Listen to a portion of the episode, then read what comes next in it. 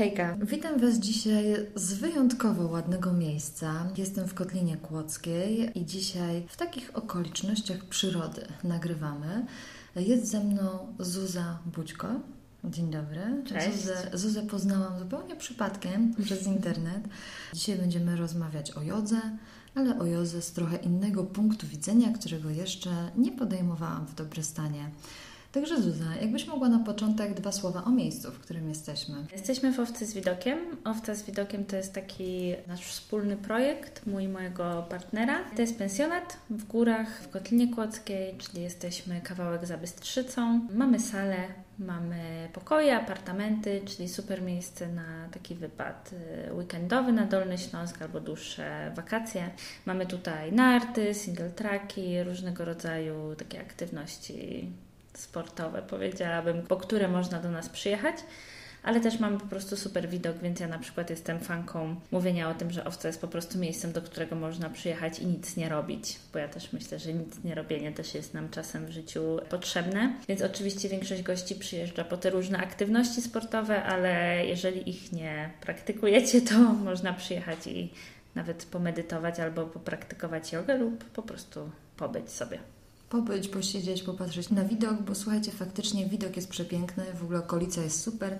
Jak wiecie, jestem fanką Kotliny Kłodzkiej. Czasami do mnie piszecie pytania, gdzie można się przenocować, czy co zrobić, także od razu Wam mówię, jestem tu teraz, widzę jak jest, warto zajechać. Sprawdzajcie owca z widokiem. Ale poza tym, że prowadzisz pensjonat, to tak naprawdę zainteresowała mnie Twoja działalność w internecie. Twoja ciało życzliwa yoga. Czy yoga z założenia nie jest ciało życzliwe? Tak, to jest pytanie, które właśnie często dostaję, bo bardzo bym chciała, żeby yoga z założenia była ciało życzliwa i żeby tak była przedstawiana i żeby tak była praktykowana. Natomiast ja ten swój kanał też buduję na swoim doświadczeniu, bo jogę praktykuję już tak 6-7 lat. Właśnie ostatnio próbowałam policzyć, ale ponieważ lata pandemiczne mi wypadają z kalendarza, to różnie mi to wychodzi. I tak, ja miałam takie doświadczenie, że ja trafiłam do takiego środowiska sztangowego i też praktykowałam jogę po to, żeby schudnąć. Do czego śmiesznie mi się teraz przyznawać, kiedy ktoś spojrzy na moją działalność w internecie, ponieważ to, o czym piszę, jest mocno w nurcie antydietetycznym. Sprzeciwiam się kulturze diety, kulturze fitnessu, więc jakby temu wszystkiemu, w co wtedy wierzyłam i co bardzo chciałam osiągnąć poprzez praktykę jogi. I myślę, że dużo ludzi tak praktykuje, że bardzo dużo tego jest na Instagramie, że bardzo dużo jest tego w ogóle w naszej zachodniej kulturze, a nie do końca według mnie to jest zgodne z tą ciałożyczliwością, która w tę praktykę jest wpisana z założenia. Tak by mi się wydawało, ja tak kojarzę jogę, że joga tak. jest ciało życzliwe. Choć patrząc na niektóre asany mam wątpliwości, czy one na pewno są życzliwe, tak. przynajmniej dla mojego ciała, ale rozumiem, że to działa trochę inaczej niż na etapie mojego oceniania. Tak patrzę na coś i sobie myślę, o nie, nie, nie, na mhm. pewno ten mostek, osób go nie polubi.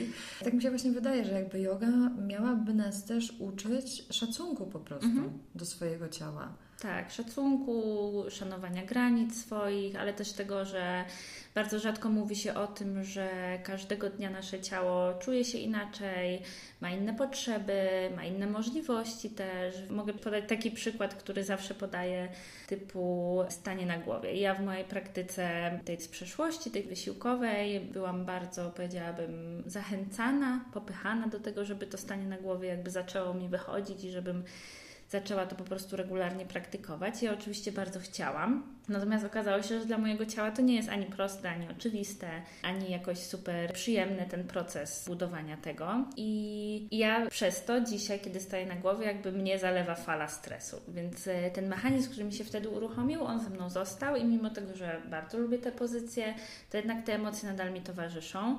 A nikt mi nigdy nie powiedział, słuchaj, dzisiaj nie wychodzi, to po prostu dzisiaj to nie jest dzień na tę asanę. I tak jest, bo są dni, kiedy praktykujemy sobie intensywnie, bo mamy taką potrzebę, są dni, kiedy potrzebujemy odpuszczenia. Natomiast są takie, powiedziałabym, style jogi czy nurty jogi, które nie za bardzo to uwzględniają, albo środowiska jogowe, które właśnie tak popychają do tego rozwoju i stawiają nacisk na ten rozwój fizyczny i pomija się wtedy ten rozwój duchowy, czy mentalny, czy odpuszczenia stresu i tych wszystkich jakości, które dochodzą, bo tak naprawdę ta praktyka fizyczna to jest tylko mały fragment. Kiedyś usłyszałam takie inspirujące zdanie, bo też oczywiście na zajęciach jogi, zwłaszcza w grupie mieszanej, niepodzielonej, że podstawowa, mhm. tylko każdy był w jakimś tam etapie zaawansowania jak widziałam, jak niektórzy praktykują i widziałam siebie, jak próbuję w ogóle cokolwiek zrobić, to włączało mi się w głowie takie, sobie nie radzisz, może nie mhm. powinnaś tu być, może to nie jest dla ciebie, ale nauczycielka jogi była taka, że zawsze nam mówiła, tylko ty jesteś mhm. na tej macie, jesteś ze sobą. Nie patrz na innych, każdy z nas jest w swoim procesie, że nie zawsze widzimy też trudności mhm. u innych ludzi, to co się pojawia, tak. wiadomo, w ich tak. głowach. Więc to było dla mnie bardzo motywujące i takie nieprzestraszające. Ale często słyszę o jodze od innych ludzi, że oni na przykład nie pójdą, bo się wstydzą, bo nie potrafią, bo nie są tak rozciągnięci, bo. bo. Mhm. Jest tego mnóstwo. Tak. Wspaniale też, że trafiałaś na taką nauczycielkę, która to uwzględniała, bo na przykład w moim doświadczeniu to jest jednak przynajmniej z tego, co ja doświadczyłam, spora mniejszość i z tego, co też ludzie do mnie piszą, też tak jest. Więc oczywiście każdy z nas ma inne doświadczenie. Są osoby, które trafiają na wspaniałych nauczycieli, którzy właśnie uwzględniają to, ale są osoby, które raz pójdą na zajęcia takiej fit jogi i już nie wrócą. Bo się już spłoszą tak, po prostu tak, i tak, stwierdzą, tak, że to tak. nie dla nich. Tak. No powiedz mi, czy ty na swojej fitniodze, na tych początkach schudłaś, osiągnęłaś Tak, cel? schudłam, schudłam, ale ja wtedy byłam na wiecznej głodówce. Miałam taki styl życia, który był dla mnie nie do utrzymania, więc oczywiście kiedy znalazłam intuicyjne jedzenie i kiedy postanowiłam żyć jednak w zgodzie ze swoim ciałem, to oczywiście ta waga wróciła. I mam głębokie takie przekonanie o sobie i swoim ciele, że gdzieś ta waga, w której jestem teraz, to jest po prostu naturalna dla mojego ciała i że ja prawdopodobnie, jeżeli będę funkcjonowała tak, jak funkcjonuję teraz, to za dużo się nie zmieni ani w jedną, ani w drugą stronę. I oczywiście to nie jest tak, że te rzeczy przychodzą mi łatwo i że ta akceptacja tego jest prosta, bo też żyjemy w konkretnej kulturze, w kulturze, która wymaga niektórych rzeczy właśnie od nauczycieli, ponieważ twierdzi się, że oni powinni być przykładem. Mhm. Natomiast myślę, że jednak powinni być przykładem życzliwości i bycia dobrymi ludźmi, a nie koniecznie sześciopaków i, i przerwy między udami na przykład. To są przykłady, które widzimy w internecie tak. w zdecydowanej większości. Tak, tak. Jak się przegląda konta jogowe i teraz nie chciałabym, żeby to była krytyka, ale myślę, że to jest po prostu stwierdzenie faktu. Większość kont jogowych to są przepiękne kobiety, bądź równie piękni mężczyźni z pięknie wyrzeźbionymi ciałami, jeszcze odpowiednimi leginsami podkreślającymi kształty pośladków, tak. cięcie w talii i tak dalej. No i to ładnie wygląda, tak? To są obrazki, które nasz mózg kupuje. Tak, tak bo to jest też jakiegoś rodzaju obietnica. Tak, to też taka może tak, być. Tak, też taka możesz być. No. Tak. Możesz to osiągnąć, wystarczy, że zrobisz ze mną tak. kilka asa i już twoja talia. Tak. A to nie działa tak. To jednak wymaga wyrzeczeń, tak jak sama mówiłaś, byłaś na ciągłej diecie, schudłaś faktycznie, ale czułaś się wtedy usatysfakcjonowana i taka Nie, to nigdy nie przychodzi ta satysfakcja, myślę. Żyjemy w takim świecie, w którym zawsze można jeszcze trochę schudnąć, jeszcze inaczej, jeszcze bardziej coś wrzeźbić, jeszcze coś. Podnieść więc, pośladki. Tak, no. tak, więc tej satysfakcji nie było. Chociaż teraz jak patrzę na swoje zdjęcia, to sobie myślę, Matko Boska, jaka ja byłam chuda w sensie byłam połową siebie teraz. I wtedy myślałam o sobie, że jestem za gruba. Więc w ogóle absurdalne. Jest jakie straszne w ogóle w jakich warunkach my żyjemy. Że mm. Zamiast e, postrzegać ciało przez pryzmat tego, że jest po prostu zdrowe, sprawne, możemy zrobić tyle rzeczy dzięki niemu, to my się ciągle zamęczamy tym, że jesteśmy nie dość. Tak. Nie takie, nie w tym kształcie, nie w tym rozmiarze. To jest naprawdę przerażające. Tak, no i dodatkowo dochodzi taki aspekt, który ja też zauważam, bo to jest takie trochę zamknięte koło, bo oczywiście na chude i sprawne ciała też jest miejsce, bo wydaje mi się, że w świecie jogowym jest miejsce dla każdego ciała, tylko kiedy my patrzymy na ten jeden obraz białej, szczupłej, zazwyczaj jeszcze do tego młodej nauczycielki jogi, jak ma się poczuć osoba, która na przykład długo praktykuje, ale jest na przykład grubą osobą i myślę, że w Polsce Polsce nie ma przestrzeni, żeby taka osoba poszła na kurs nauczycielski. Bo nawet ja, mimo tego, że jestem w kanonie, zawsze myślałam o tym, że jestem za gruba, żeby pójść na kurs. I zawsze zaczynając kurs, zaczynałam go z taką myślą, o może dzięki temu kursowi schudnę. Mhm. I teraz sobie myślę, dlaczego? Bo naprawdę to jest ostatnia rzecz, którą kursy nauczycielskie powinny przynosić. No ale tak było. I tak myślę, że tak jest, więc też nie widzimy grubych nauczycieli jogi, bo oni po prostu mają do tego ograniczony dostęp. Oczywiście to nie jest tak, że nie zostaniesz przyjęty na taki kurs, natomiast to z jakim poziomem dyskryminacji później będziesz musiał lub musiała się zmierzyć, no to no nie dziwię się, naprawdę. Jak ty poszłaś na kurs, to spotkały cię jakieś dyskryminacje? I nie powiedziałabym, że dyskryminacja, natomiast y, było mi insynuowane parę razy, że na przykład y, mam zbyt szerokie biodra. No nie nie tak wprost, ale miałam takie momenty, kiedy czułam się nie na miejscu. I oczywiście pewnie część tego jest w mojej głowie, część jest w mojej interpretacji, no ale zdecydowanie nie wyglądam jak typowa nauczycielka jogi, taka właśnie z Instagrama, więc zawsze jak mówię, że uczę jogi, to widzę w oczach takie trochę yy, zdziwienie. A ja naprawdę jestem osobą w kanonie. Jeżeli mówimy już o osobach na przykład rzeczywiście poza kanonem, to takich nauczycieli myślę w Polsce nie ma poza kanonem masz na myśli po prostu osoby grube. Tak. On ma też pewną granicę dopuszczalności. Tak, tak, nie? właśnie Więc... w, zależności od tego, co rozumiemy, bo w tym takim wąskim bardzo rozumieniu kanonu na zasadzie, że nauczycielka powinna być w rozmiarze, nie wiem, 34-36, no to ja już jestem poza tym. Ale tak naprawdę kanon jest dużo, dużo większy, bo kiedy popatrzymy na to, jaki jest rozmiar przeciętnej kobiety w Polsce, no to to jest ponad 40. Więc y, patrząc na to, no to poza kanonem to już jest jeszcze wyżej. Więc ja też nie lubię o sobie mówić, że jestem osobą grubą, bo po prostu nie chcę też sobie przypisywać dyskryminacji, którą naprawdę doświadczają osoby grube. To jest skomplikowany problem. Myślę też, że dużo w tym jest o zauważaniu grup wykluczanych też w naszym społeczeństwie, bo myślę, że prezentowanie na okładkach na przykład osoby w rozmiarze 40 i pisanie o tym, że to jest o ciało pozytywności, no to nie jest o ciało pozytywności. Nie uwzględnianie właśnie osób naprawdę grubych jest wykluczające, bo później właśnie ktoś patrzy na mnie i może mi tę grubość przypisać, a to nie jest moja historia też. To jest historia grupy, która jest niezauważana w Polsce. To jest w ogóle ciekawe, że tak naprawdę ciała, które są standardem, jeśli się posługiwać rozmiarami, to 40-42. Zdecydowana większość kobiet tak. w Polsce, statystycznie. To, jest ten rozmiar. I tak jak mówisz, prezentowanie go na okładce jako czegoś, co trzeba normalizować, mm -hmm. bo to jest ciało tak. pozytywność, tak. Tak. u mnie w głowie też rodzi taki duży znak zapytania, mm. że skoro normalizujemy to, jak wygląda większość z nas, no to gdzie tu jest tak. coś nie tak? Czy ze mną jest coś nie tak? Czy może jednak z tą kulturą, która oczekuje, że to będziemy normalizować? To jest dziwne. Mhm. Faktycznie poza tą granicą są ludzie, których w ogóle nie zauważamy. Nie chcemy zauważać. Całą winę za ich istnienie spychamy na nich. Tak jakby w ogóle ich istnienie było jakąkolwiek winą. Im więcej mam kontaktów z grubymi osobami, tym bardziej to dostrzegam i tym bardziej mam przekonanie, że to jest coś, o czym powinno się mówić i powinno się te osoby po prostu uwzględniać we wszystkim. To teraz, dlaczego zajęłaś się właśnie jogą, ciało życzliwą? Dlaczego mhm. zaczęłaś kierować swoje działania do osób osób grubych. Jaka historia się za tym kryje? E, moja historia z Instagramem jest w ogóle bardzo zabawna, bo jeżeli ktoś mnie zna z czasów przed Instagramem, mhm. to nigdy by nie pomyślał, że ja będę się w ogóle pokazywała w sieci, bo to jednak było dla mnie bardzo mocno przekraczające. Okej, okay, a jest takie naturalne. A teraz już się stało bardziej naturalne, tak. Bardzo tak. naturalnie sprawiasz wrażenie, jakby to nie był dla Ciebie problem. Tak, a natomiast ja kiedyś jednak byłam tą osobą, która była bardziej zawsze po drugiej stronie, bo ja się też zajmowałam właśnie copywritingiem, pisaniem, pisaniem, głównie pisaniem. Więc miałam takie poczucie, że po prostu chcę pisać treści, które będą trafiały. Na początku w ogóle myślałam o osobach takich jak ja, czyli takich, które nie odnajdują się na takiej właśnie fitnessowej jodze, albo które walczą z różnymi barierami, które stawia im ciało, naturalnymi zresztą, bo bariery, y, w sensie sygnały te nasze z ciała zawsze są jakby w ochronie nas, a nie przeciwko nam.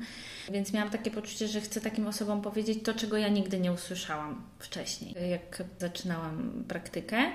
I później, w miarę jak zaczynałam poznawać różnych ludzi na Instagramie, I właśnie to środowisko takiego intuicyjnego ruchu, takiego radosnego ruchu, środowisko antydietetyczne, rubancypacyjne, tym bardziej zaczęłam się odnajdować. I te moje treści w tym środowisku były przyjmowane pozytywnie. Też coraz więcej osób zaczęło się do mnie odzywać, takich, które mówią, że nigdy by na jogę nie poszły, no bo po prostu ich ciało się nie mieści w tym, co się rozumie jako jogowe ciało. To oczywiście była jakaś taka przemiana, bo ja też nie od razu miałam taki pomysł na to, ale tak to jak wyewoluowało. Tak, tak. Trudne słowo. Tak, tak, tak.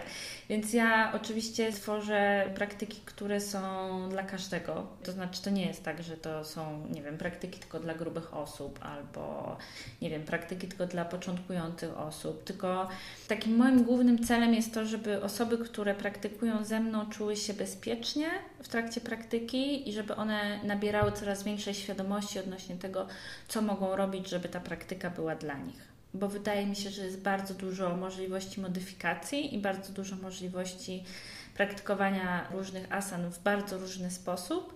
I moim zadaniem nauczycielki jest oczywiście pokazać to, ale wiadomo, jakby nie jestem w stanie pokazać wszystkich modyfikacji naraz. Natomiast chciałabym, żeby moi uczniowie popatrzyli na jakąś asanę i pomyśleli, aha, to ja robię to w ten i w ten sposób. Bo oni to wiedzą. Zazwyczaj człowiek wie, czego mu potrzeba tylko problem jest taki, że tak bardzo myślimy, że ten nauczyciel ma rację i tak bardzo trzeba robić to, co ten nauczyciel pokazuje, że przestajemy słuchać swojego ciała i wciskamy się w coś, czym nie powinniśmy koniecznie być.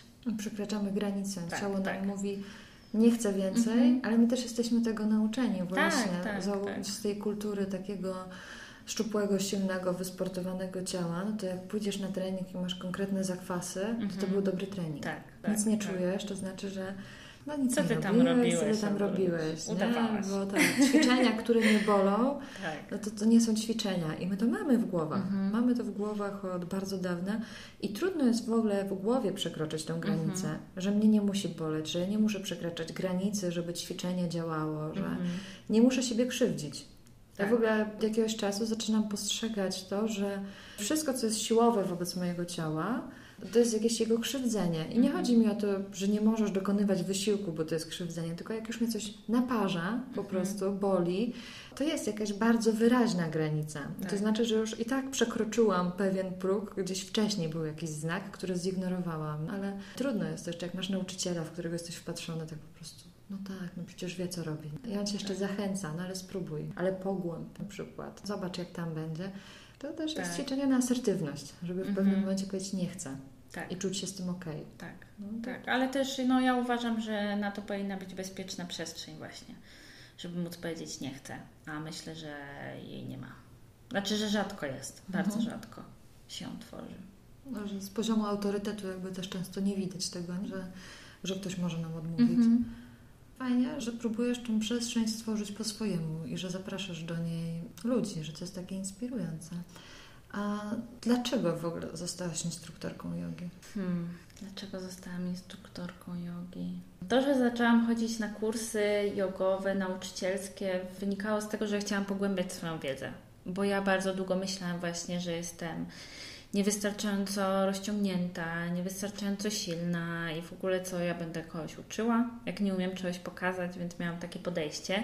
I robiłam te kursy z taką myślą, że ja je robię po to, żeby się rozwijać i żeby właśnie uczyć się coraz więcej o joty, natomiast broń Boże ja nie będę uczyć. Bo ja najpierw robiłam kursy asztangowe, zrobiłam jeden kurs hatha yogi i później trafiłam na moich obecnych nauczycieli, którzy właśnie mają takie podejście, że to jednak asany dostosowują się do naszego ciała, a nie nasze ciało do asan.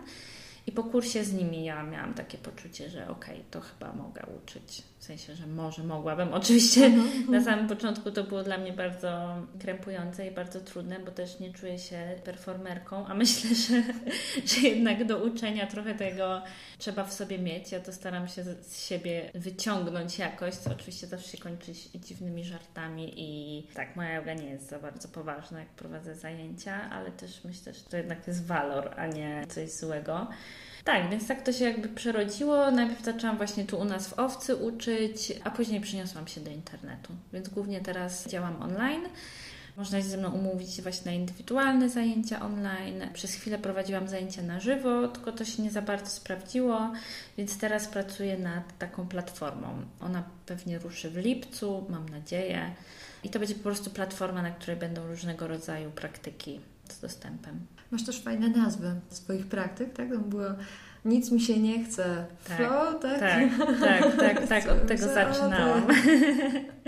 To trafia. Do, tak, ja to odebrałam bardzo pozytywnie. Mhm. Myślę sobie, kurczę, ale fajna nazwa. Jest miejsce na to, że mi się nie chce, ale Tak. jednak się ruszę, no, Tak. coś tam zrobię. Tak, S- Super.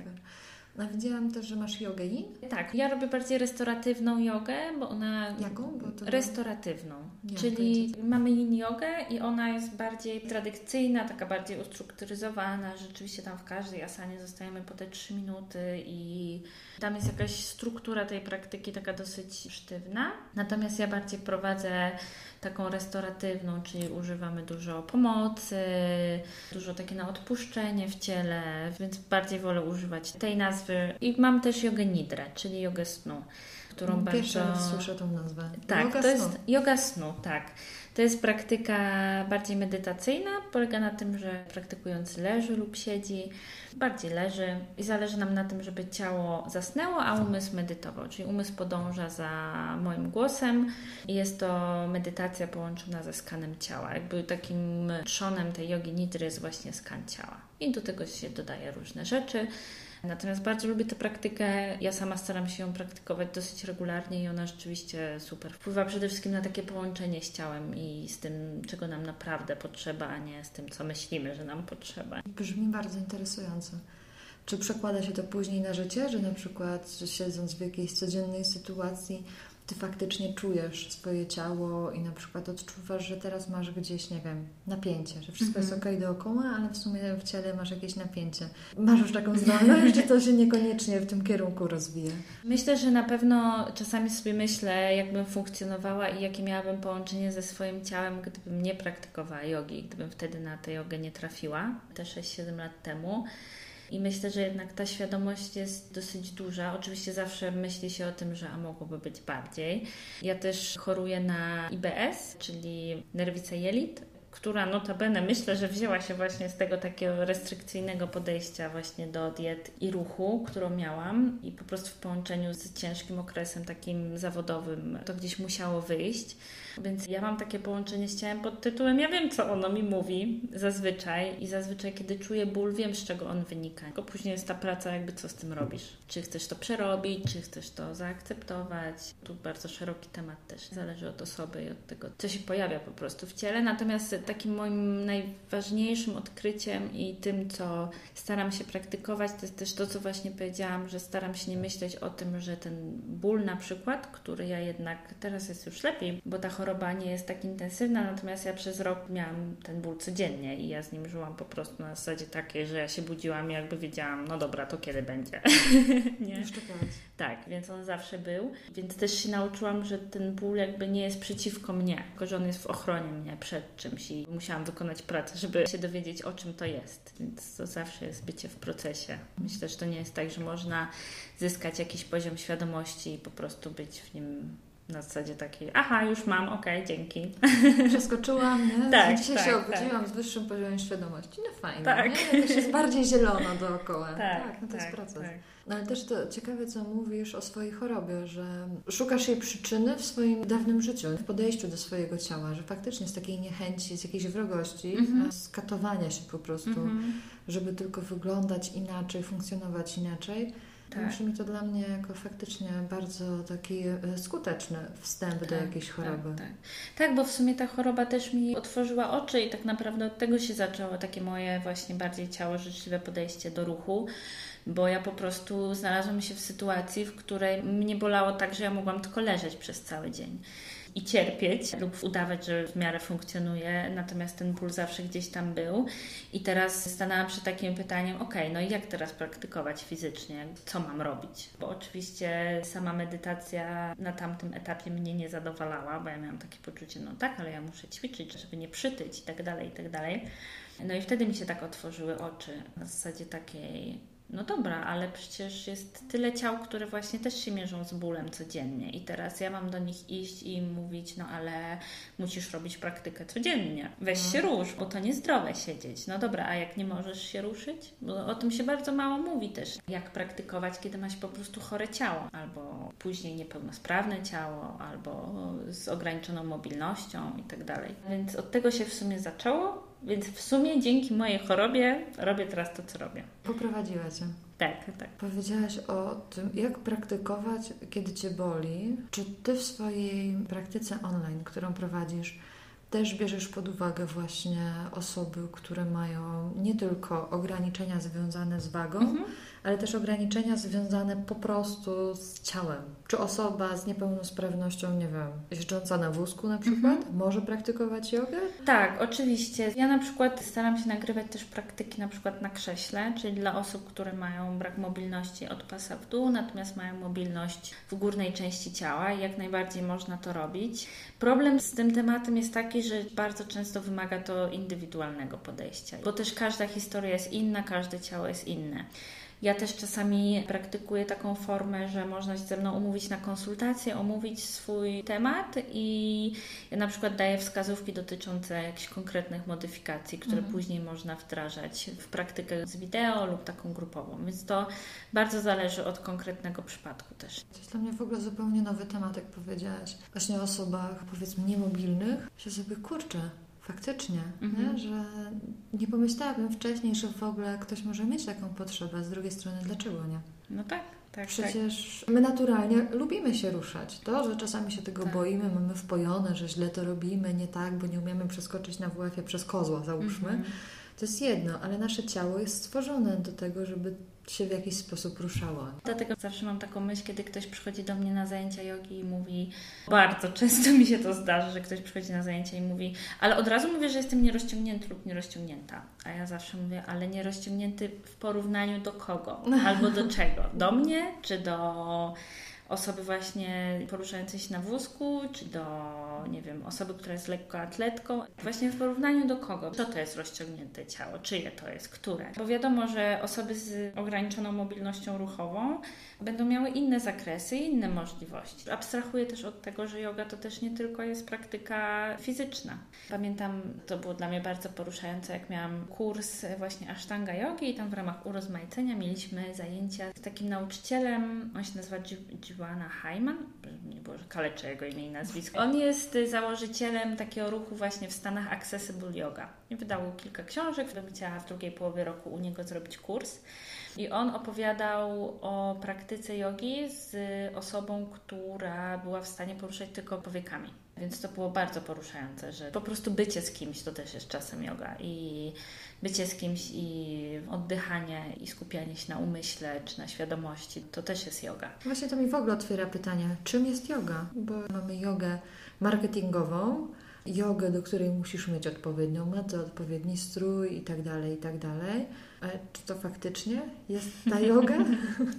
Ja myślę, że nie. Ja myślę, że yoga to jest po prostu bycie. Nie lubię mówić dobrą osobą, ale jednak gdzieś to się do tego sprowadza. Może bardziej życzliwa to jest lepsze słowo do siebie i do świata na zewnątrz. Po prostu te praktyki, które wykonujemy na macie, one są takimi narzędziami, które nam to umożliwiają. Bo też kiedy obserwuję na przykład siebie w ciągu dnia i też nie jestem idealną osobą, wiadomo też mam swoje tematy, wiadomo różnego rodzaju emocje, pracę i tak dalej. I w takich właśnie momentach konfliktowych albo w trudnych dla mnie momentach, kiedy właśnie zalewają mnie na przykład te emocje, których nie kontroluję, typu złość, czy rozczarowanie, czy cokolwiek to jest, Yoga mi daje to, że w tym momencie mam świadomość tego, że no dobra, no i co ja z tym zrobię? Bo zazwyczaj jest tak, i myślę, że przed praktyką jogi też tak miałam, że po prostu człowiek daje się ponieść i nie kontroluje tego, co się z nim dzieje. Natomiast niezależnie od tego, co wybieram, czy to wybieram dobrą ścieżkę, czy złą w tej sytuacji, to jednak myślę, że mam tego świadomość. Pojawiać się to Jakąś. pytanie, że tak. ja podejmuję decyzję, tak. co z tym tak. zrobię. Tak. No i jaka jestem dla drugiego człowieka? Czy właśnie jestem dla niego życzliwa, albo czy mogę być bardziej? Czy dla siebie, bo to też jest temat, żeby dla siebie być. Trudno być dla Dobrym. innych, jak dla siebie się tego nie Tak. ma. Jest w tym wtedy jakiś rodzaj takiego pozoru. Tak mi się, mnie tego nauczyło macierzyństwo, że trudno jest kochać kogoś, jeśli się nie kocha siebie. Mhm. Jeszcze przy partnerze trochę się można oszukiwać, a przynajmniej przez jakiś czas, że to jest faktycznie miłość, ale dopóki my nie mamy czegoś w stosunku do siebie, to trudno jest mieć to autentycznie do świata. Czy to jest miłość, życzliwość, jakieś takie po prostu pozytywne podejście, to naprawdę bez siebie się nie pojedzie dalej. To tylko chwilowo, Tak, ale później tak. się okazuje jednak niestety inaczej. To taka moja lekcja. Do, dorzuciłam tutaj kamyczek. Chciałabym jeszcze wrócić na chwilę do tematu osób grubych praktykujących. Z jakimi trudnościami poza już wykluczeniem z założenia, które Mhm. powiedziałaś, że jest to wykluczanie dotyczące tego, jak wyglądają, z czym jeszcze do Ciebie przychodzą? Z jaką trudnością? Co może być dla nich w tej praktyce stawiający mur? Mhm.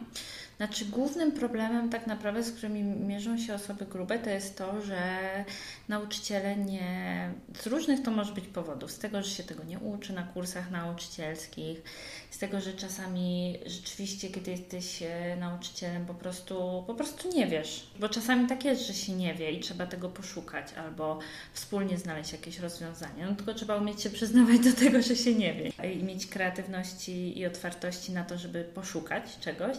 Więc y, główny jest problem taki, że nie wie się, jak dostosowywać różnego rodzaju pozycje do dużego ciała. W sensie na przykład, kiedy ktoś ma duży biust, kiedy jest osobą identyfikującą się jako kobieta, lub kiedy ma się duży brzuch i teraz co z tym brzuchem zrobić, albo kiedy ma się duże ręce. I wykluczające jest po prostu nieuwzględnianie tego w praktyce. Więc y, ja oczywiście też nie mam na wszystko rozwiązania i ja też często na przykład nie wiem, natomiast zawsze staram się skonsultować z osobą grubą albo wymyślić coś innego, bo to też mnie bardzo uderzyło. Pamiętam, kiedy byłam na, to był kurs Hatha Yogi.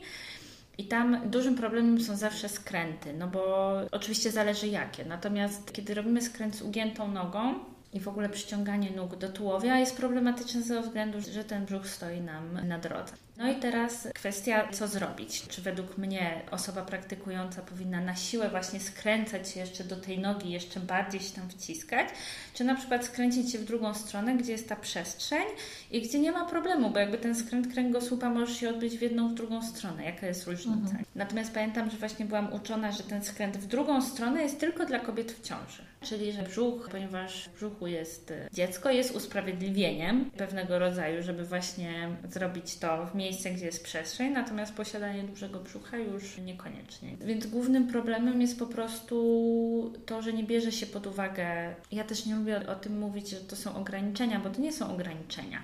To jest po prostu inny rodzaj układania tych pozycji. No bo jakby nie robimy pozycji po to, żeby nasze ciało wyglądało tak i tak, tylko no na przykładzie chociażby tego skrętu robimy to, żeby skręcić kręgosłup. Więc można to zrobić na różne sposoby. Tak samo jak pozycję gołębia można zrobić na 100 sposobów, tylko zazwyczaj myślimy o tym jednym. Więc kwestia tego, że myślę, że dużo nauczycieli po prostu nie wie.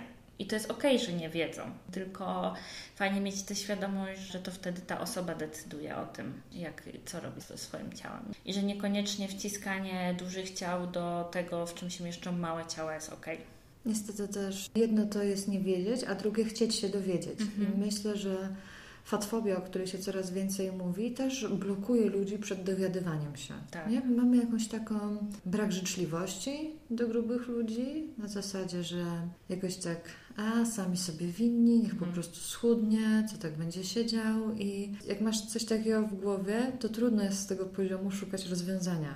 Łatwiej jest się Tak. pozbyć takiej osoby, na przykład z grupy jogowej, no bo to po co? I tak Mhm. pochodzi dwa razy, pewnie zaraz się rozmyśli. Tak. Ja wiem, że to brzmi strasznie, ale mam wrażenie, że to takie jest nastawienie społeczne. Tak, że tak, w ogóle tak. tak. Wielu ludzi za grubymi po prostu nie przepada. Tak, tym bardziej, że na przykład praktyka jogi niestety została też, że tak powiem, zagarnięta przez biznes y, dietetyczny. I jednak jest takie przekonanie, że yoga jest po to, żeby Twoje ciało było smukłe, bo w naszym przekonaniu smukłe równa się zdrowe. Szczęśliwa. Tak, No, no, ale to no. nie ma nic wspólnego. Jest wiele grubych osób, które są dużo zdrowsze niż chude osoby. Więc e, wypowiadanie się przez nas o tym, czy ktoś jest zdrowy, czy ktoś jest chory na podstawie tego, jak wygląda, jest absurdalne tak naprawdę. Jest dużym uproszczeniem, Tak. na pewno. Z tej rozmowy tak słyszę, że po pierwsze, ważna rzecz jest taka, że niezależnie od tego, ile ważysz, nie definiuje Ciebie. I że czy masz ciało w kanonie, czy poza nim, czy jest troszkę w kanonie, a trochę nie i tak dalej, to że tak naprawdę waga nie jest wyznacznikiem tego, czy możesz skorzystać z jogi, czy z innej formy ruchu, tylko Twoje chęci i że Tak. też nie świadczy o Twojej zdrowotności. I o ile mam takie poczucie, jakbyśmy mówiły trochę coś oczywistego, ale z drugiej strony... Chciałabym, to- żeby to właśnie, było oczywiste. To nie Że jest to są- zupełnie oczywiste. to są rzeczy takie chyba, które trzeba jednak powtarzać i gdzieś podkreślać. Zwłaszcza mam też takie poczucie do młodych ludzi, chociaż ja też jestem młodym człowiekiem, to też, ale chodzi mi bardziej w kierunku o nastolatków na przykład. No nastolatką już nie jestem. I mam takie doświadczenie z spotkań z nastolatkami, chociażby w rodzinie, że są przepiękne, szczupłe, w ogóle super, ale wstydzą się rozebrać na plaży, bo są za grube. Mhm. I ja mam wtedy od razu takie przerażenie. Myślę sobie, Boże, już całe życie jeszcze przed Tobą i Twoje ciało nigdy nie będzie tak jędrne, tak gładkie, tak wspaniałe, jak ciało nastolatka. I że już e, te dziewczyny, bo to raczej dziewczyny, od dziewczyn, co słyszałam, się tego wstydzą. Myślę sobie, że może właśnie my musimy zmieniać w swojej głowie, żeby później im przekazywać jakieś wartości. Mhm. Bo też jeśli matka, ciotka, babka no teraz masz piękne ciało, ale sama się ciągle odchudza i sama mówi, że nie zrobi tego i tego dla swojego ciała, albo nie pójdzie na jogę, na jakiekolwiek inne ćwiczenia, nie pójdzie na basen popływać. Mhm. No to jak my mamy to przekazywać, No tak, nie? Więc tak. może te oczywistości właśnie są bardzo istotne, żeby to tym trąbić. Tak, tak. naokoło. No na pewno e, zwracanie takiej dużej uwagi na swoje ciało przy dzieciach, jeżeli ma się dzieci, na pewno ma ogromny wpływ, bo te dzieci patrzą. No i uczą się, że to ma Chłoną. znaczenie po prostu. A czym według Ciebie w Twojej definicji jest w takim przypadku ciało życzliwość? Ja myślę, że po prostu branie głosu swojego ciała jako ważniejsze niż głosu kogokolwiek z zewnątrz. Po prostu. I to się przekłada, myślę, na życie, na wybory żywieniowe, na wybory dotyczące ruchu, na to, co robimy na macie. Na wszystko tak naprawdę, więc ja myślę o tym tak bardzo szeroko i myślę, że naprawdę, znaczy jestem przekonana o tym, że nasze ciało wie. Tylko kwestia tego, czy słyszymy ten głos, czy jesteśmy w stanie do niego dotrzeć, a jak już do niego docieramy, to czy go nie negujemy. Więc myślę, że to jest po prostu szanowanie siebie, swoich granic, tego, co czujemy i czego tak naprawdę chcemy i potrzebujemy. Pięknie to powiedziałaś. Ciekawe jest też to, że nie padło tam nic na temat wyglądu zewnętrznego, że wszystko jest ze środka i do siebie. Bardzo Tak. ładnie. Czy jest jeszcze coś, co chciałabyś powiedzieć o swojej działalności? To, co ja zawsze mówię, to staram się powtarzać, że jeżeli ktoś teraz słucha i ma takie podejście, że właśnie myśli, że yoga nie jest dla niego, dla niej, albo spróbował lub spróbowała i to się nie sprawdziło, to wydaje mi się, że warto próbować. I też ja nie wychodzę z założenia, że yoga jest ruchem dla każdego, bo myślę, że ja mam taką teorię, że jogą może być każdy rodzaj ruchu, o ile robimy go świadomie i o ile no, traktujemy go tak, jak traktujemy jogę, bo myślę, że głównym takim założeniem praktyki asan jest to, żeby być ze swoim ciałem i żeby poprzez ruch tak naprawdę medytować, czyli odpuścić myśli i pozwolić im po prostu przepływać i skupiać się na tym, co jest wewnątrz. I myślę, że można to robić y, poprzez różne formy ruchu, więc jeżeli nie asany, to cokolwiek innego.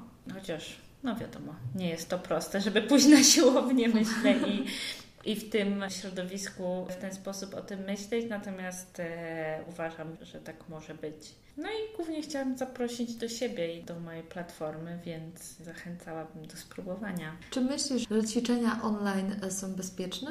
Z tego, jaki dostaję feedback, dużo osób do mnie pisze, że oczywiście są ogromne plusy bycia w grupie, tylko co jeżeli nie ma grupy, w której czujemy się bezpiecznie, a jednak to praktykowanie online umożliwia to, że jesteśmy sami ze sobą i nie ma tego oceniającego głosu, prócz tego, który mamy w głowie. No ja, kiedy zaczęła się pandemia i przeniosłam się tylko na online, tak naprawdę doświadczyłam bardzo dużej ulgi, bo oczywiście nadal walczyłam ze swoim ego, natomiast e, to, co to ego podbija, zawsze zniknęło. Wtedy mniej się porównujemy i mniej myślimy o tym, co ktoś o nas myśli. Ja mam czasami, ja próbowałam jogę praktykować zdalnie, w sensie ja w domu i gdzieś, ale po pierwsze nie zawsze nadążam za nauczycielem i mnie to irytuje, że Mhm. ktoś już coś robi tak szybko, a ja w ogóle jestem dopiero w połowie i próbuję ogarnąć. Już zapominam, co miałam zrobić z prawą ręką, podczas gdy ta ręka już jest w ogóle gdzieś indziej, u nauczyciela czy nauczycielki. Ale druga rzecz jest taka, że czasami mi się włącza taki lęk, że sobie zrobię krzywdę. Ale z drugiej strony, teraz od razu sama sobie odpowiadam, że jak mogę sobie zrobić krzywdę, jeśli będę uważna na siebie, Tak, to tak. po prostu nie zrobię czegoś, jak czuję, że mnie boli. Więc może niepotrzebnie się o to lękać. Nie wiem, skąd mi się to wzięło w ogóle. No bo jest takie przekonanie, że właśnie nie powinno się praktykować bez nauczyciela. Tylko zawsze mamy swojego nauczyciela przy sobie, tego, który jest w środku. Więc myślę, że o ile nie robimy różnego rodzaju akrobacji typu właśnie stanie na głowie, stanie na rękach i jakieś e, dramatyczne wygięcia i tak dalej, to jest mała szansa, że zrobimy sobie krzywdę, jeżeli słuchamy swojego ciała, tak jak mówisz, bo, bo to ciało nam raczej zasygnalizuje, że ej, coś jest nie tak. Bo jak stajesz na rękach, to rzeczywiście może być trochę za późno, kiedy usłyszysz ten sygnał. Troszeczkę. Tak, ale myślę, że nie bałabym się o to. A czy jeśli na przykład ktoś praktykuje właśnie z nauczycielem zdalnie i zrobi źle asanę, w sensie niepoprawnie, czy jak nic nie czuję robiąc, to znaczy, że robię to źle? To ja Ci zadam pytanie, co znaczy błędnie zrobić asanę? Nie wiem. Właśnie. Nie wiem, właśnie, no nie właśnie, wiem. właśnie, bo to wszystko wynika z tego, po angielsku o tym się mówi alignment. Ja nie znalazłam dobrego tłumaczenia na polski, natomiast jest takie przekonanie, że są pewne wyznaczniki ułożenia w ciele w różnych asanach, które powinny wyglądać tak i tak. Tylko, że one uwzględniają jedną budowę ciała. Zazwyczaj to jest chuda osoba z wąskimi biodrami, umięśniona, sprawna i tak dalej. Ja uważam, że o ile nie robimy sobie krzywdy, czyli nie czujemy bólu, no to trudno powiedzieć o tym, że coś robimy źle. Możemy robić inaczej pod kątem tego, co chcemy osiągnąć, bo też trzeba myśleć o tym, że w każdej asanie możemy pracować nad milionem różnych rzeczy. Możesz robić psa z głową w dół i rozciągać tyły nóg, możesz rozciągać łydki, możesz wydłużać kręgosłup, możesz pracować nad rotacją w barku. 100 rzeczy. I teraz nie chodzi nam o to, żeby robić wszystko naraz, bo zazwyczaj nie jest to możliwe, żeby Nie? robić Nie wszystko, wszystko? naraz. Myślałam, że już w pakiecie jedziemy. Tylko fajnie mieć świadomość tego, co jest dla mnie ważne, co jest mi potrzebne, co będzie dobre dla mnie. Nie? Pierwszy raz w ogóle tak myślałam. No, dawaj dalej. Ja lubię mówić o tym na przykładzie pozycji gołębia, trochę trudno omówić to. Natomiast w pozycji gołębia naprawdę można pracować nad po prostu milionem rzeczy i można różne efekty tym osiągać. Można też wejść do pozycji gołębia i chcieć po prostu ją przetrwać. W sensie po prostu, żeby ten czas minął i żeby wyjść z niej. Wszystko zależy od tego, jaki jest dzień. Bo na przykład to może być dzień nie na otwieranie bioder i wtedy myśl sobie, okej, byle tylko to się skończyło. I też są opcje na to, żeby czuć mniej w danej asanie, albo są opcje na to, żeby właśnie czuć więcej w jakimś zakresie, w jakimś miejscu i tak dalej. I oczywiście trudno mieć tę wiedzę tak po prostu. Mam takie poczucie, że ta wiedza jednak przychodzi też z edukacją. Natomiast y, mam takie przekonanie, że też każdy z nas intuicyjnie wie, co czuje. Bądź mógłby pozycji. wiedzieć, gdyby się otworzył na tym. No. Tak. Wiadomo, że kiedy się zaczyna praktykę, to to wszystko jest bardzo przytłaczające, tego wszystkiego jest bardzo dużo. Natomiast myślę, że właśnie zaawansowanie w praktyce nie jest rozciągnięciem ciała czy siłą ciała, bo zaawansowanie jest tą świadomością ciała i jakby tym, że ja rzeczywiście jestem w stanie wejść do pozycji i jestem w stanie to sobie trochę rozdzielić. Aha, dzisiaj mogę pracować nad tym, a dzisiaj mogę pracować sobie nad tym, czego dzisiaj bardziej potrzebuję albo czego potrzebuję bardziej w jakimś szerszym kontekście, bo to może być w kontekście dnia, może być w kontekście roku, miesiąca i tak dalej. Też często mnie uczniowie pytają, co powinnam tutaj czuć? A ja mam tak, a co chcesz czuć? Albo co czujesz? Bo są pozycje, które na przykład są teoretycznie skrętem, natomiast w pierwszej kolejności czujemy biodro. I czy to źle? No nie, no bo w pierwszej kolejności na przykład tam musi się troszeczkę bardziej rozciągnąć, żeby poczuć skręt. Ale to nie jest źle, to jest po prostu no tak, jak jest Twoje ciało. Źle dla mnie byłoby po prostu zagrażająco dla ciała, w sensie zagrażająco jakąś kontuzją. To bardzo uwalniające, co mówię. To jest bardzo uwalniające w praktyce, rzeczywiście, Mhm. kiedy przestaje się myśleć o tym, o tych właśnie oczekiwaniach dotyczących O różnych poprawności, pozycji. no właśnie, co powinnam czuć? To jest faktycznie pytanie, które ja też znam z sali jogowej. Mhm. Oczywiście nie kierowane do mnie, tylko po prostu, że uczestnicy zajęć zadają to pytanie. Ja też je mam często w głowie. Co powinnam czuć? Jeśli nie czuję odpowiednio tutaj, nie wiem, mięśni brzucha, to znaczy, że robię to źle. Choć ja zatrzymam na tych mięśniach brzucha, bo, bo nie jestem przekonana, czy ich jestem tak dużo. Ale no, chodzi mi właśnie o to, że często sama sobie zadaję to pytanie, że może jeśli w tej pozycji tak za bardzo nic nie czuję, Mhm. no to jest znowu wracanie do tego, co mamy w głowie. To musi jakoś mocno pracować, dawać nam się we znaki, wtedy działa. Tak, ale też jeżeli nic nie czujesz, a chcesz czuć, Mhm. to wydaje mi się, że od, też gdzieś zadaniem nauczyciela jest, żeby Ci pokazać, co możesz ewentualnie zmieniać. A bardzo często ja się z tym y, spotykałam, że po prostu nauczyciel nie widzi innych możliwości. Na swoim przykładzie bardzo długo praktykowałam wszelkiego rodzaju skłony z połączonymi stopami, czy w staniu, czy w siedzeniu, niezależnie. Co sprawiło, że do dzisiaj mam bardzo napięte boki nóg, te ścięgna, które mam z boku, bo po prostu przy moich rozmiarach ciała, w sensie przy szerokich biodrach, powinnam stać szerzej, żeby nie dawać dodatkowego nacisku tam. No tak, tylko trzeba pomyśleć o tym, że można coś zmienić, a bardzo często nauczyciele mają przekaz z góry od swojego nauczyciela, no nie wiem, że pozycja skłonu do nóg musi być z tymi stopami połączonymi, bo wtedy się niby lepiej rozciąga. No może im się lepiej rozciąga, Mhm. tylko może ktoś potrzebuje trochę czegoś innego. Więc Super właśnie jest. kwestia takiego spojrzenia i zobaczenia możliwości, a nie tylko spojrzenia i zobaczenia instrukcji obsługi asany, bo ja mam często wrażenie, że to jest po prostu jak taka instrukcja obsługi jak jej nie wykonasz krok po kroku, to nie zostanie zaliczone. No zero-jedynkowo, Tak. nie? To wtedy jak nie umiesz tak się, jak nie umiesz, to w ogóle nie rób, bo się nie Tak. nauczysz. Tak. Nie? I Tak. w ogóle musisz tylko tak, bo inaczej to bez sensu w ogóle siedź sobie, nie? Mhm. Popatrz na innych, jak ładnie ćwiczą, Tak. więc popodziwiaj. To fajne, naprawdę bardzo mi się podoba to, co mówisz i czuję, że to jest uwalniające i myślę, że dla wielu ludzi może być też takie lecznicze trochę z tego takiego, że musimy w jakiś Mhm. sposób. Nie musimy. Ekstra. Tak. A mnie na pewno uwolniło od obaw w ćwiczeniu online. To, to ja na pewno to jest bardzo dużo. Nie powiem, że tylko to wynoszę, ale to jest w ogóle ogromne rozwikłanie moich Mhm. wewnętrznych. Także dzięki przy okazji. Powiedz proszę, jak Ciebie znaleźć online? Najlepiej oczywiście na Instagramie, w sensie jestem najbardziej aktywna i najbardziej dostępna tam i tam się nazywam Ciało Życzliwa Yoga. Jestem też na TikToku, natomiast tam tylko wrzucam i nie potrafię w TikToka za bardzo. Mam kanał na YouTubie i tam można znaleźć kilka takich praktyk, żeby sobie ze mną spróbować. Natomiast na mojej stronie internetowej ciałożyczliwayoga.pl tam będzie to studio, tam będę miała tę swoją platformę. Też mam swój kanał na Spotify i tam mam właśnie nagrany jeden odcinek o tej mojej historii, o której w sumie dzisiaj trochę powiedziałam. Natomiast mówię o tym, bo czasem wrzucam tam medytację albo właśnie jogi nidry. Więc można sobie włączyć do spania albo do, do medytacji właśnie. Też jako ciało życzliwa yoga? Tak, czy- tak, tak. Okej. Też staram się wszędzie być konsekwentna i Zgodnie wszędzie być jako ciało życzliwa yoga. Tak, Tak. tak, tak. Bardzo inspirujące to było dla mnie.